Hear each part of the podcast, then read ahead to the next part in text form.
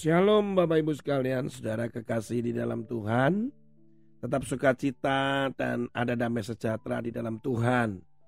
Kita akan merenungkan firman Tuhan dan mendengarkan dari kitab Amsal pasal 31 ayat yang ke-19. Tangannya ditaruhnya pada jentera dan jari-jarinya memegang pemintal. Bapak Ibu sekalian, Jentera dan pemintal itu adalah alat yang dipakai untuk membuat kain. Jadi bayangkan seseorang yang memintal. Bapak Ibu kalau melihat seorang yang memintal, maka Bapak Ibu akan melihat betapa detail, betapa akuratnya untuk membuat sebuah selendang atau kain. Beberapa waktu lalu ketika saya di Kupang, saya mendapatkan selendang dari Kastimor. Bahkan karena pelayanan beberapa tempat, sampai saya dan istri saya total mendapatkan enam. Karena sepasang, sepasang, sepasang. Dan terakhir saya mendapatkan selendang yang bagus sekali. Bahkan salah satu hamba Tuhan berkata, Pak ini ini adalah pintalan yang hebat. Di Kupang itu pemintal itu nomor dua di dunia. Bapak Ibu sekalian, untuk memintal menjadikan kain itu perlu yang namanya ketekunan. Perlu sebuah kesabaran. Seorang istri itu sabar. Seorang istri itu tekun. Dia adalah perempuan yang melakukan yang mungkin berulang-ulang demi melayani suami, demi memelihara membesarkan anak-anak. Setiap pagi bangun, kemudian menyiapkan makanan, mungkin mencuci, menyiapkan, mengatur rumah tangga. Mungkin harus mengasuh anak, sementara juga harus memasak. Wah macam-macam yang dilakukan macam-macam. Hari demi hari.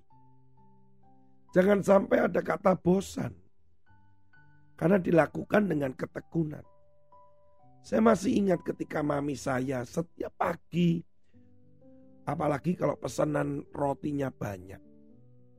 Maka jam 3 pagi, jam 2 pagi. Sudah bangun.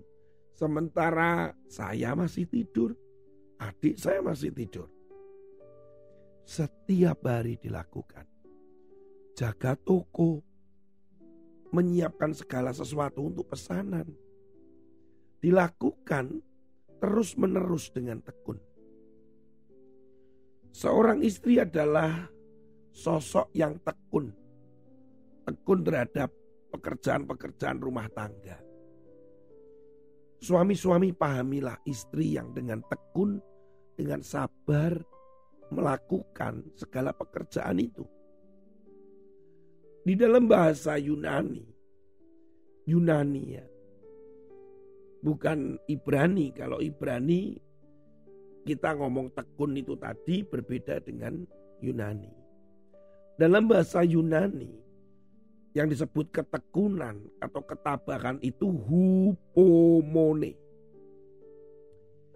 itu adalah berbicara tentang bertahan untuk bertahan. To keep on keeping on. Bertahan untuk bertahan. Sabar bukan berarti hanya pasif menunggu, tetapi adalah bersabar itu atau ketabahan itu adalah sebuah sikap aktif yang bersedia menjalani dengan setia maju dan memperjuangkan apa yang diyakini sebagai kebenaran. Bukan hanya berlaku untuk istri, kita pun sebagai laki-laki juga harus sabar. Kita harus tekun. Gambaran sabar itu seperti seorang yang bernama Bob Willen mengikuti New York City Marathon tahun 1986 dan dia adalah orang yang terakhir memasuki garis finish setelah 4 hari 2 jam 47 menit dan 17 detik. Dia menyelesaikan perlombaan itu dengan tabah. Dia memerlukan waktu yang panjang, tidak sama dengan orang-orang normal. Karena memang kondisi tubuhnya. Kedua kakinya diamputasi, hancur kena ranjau saat menjadi tentara Amerika Serikat di Perang Vietnam tahun 69. Dia terus melakukan rekor dan terus menunjukkan kesabaran dan ketabahannya. Karena dia meyakini sesuatu untuk dia perjuangkan. Dia melintasi Amerika dari pesisir barat ke pesisir timur. Dia memerlukan waktu tiga tahun, delapan bulan, dan enam hari.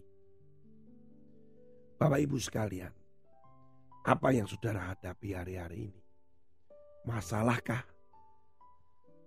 Sedang menghadapi begitu banyak tekanan.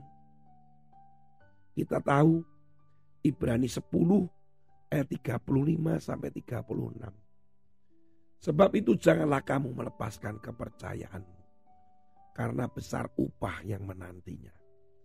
Sebab kamu memerlukan ketekunan supaya sesudah kamu melakukan kehendak Allah, kamu memperoleh apa yang dijanjikannya itu.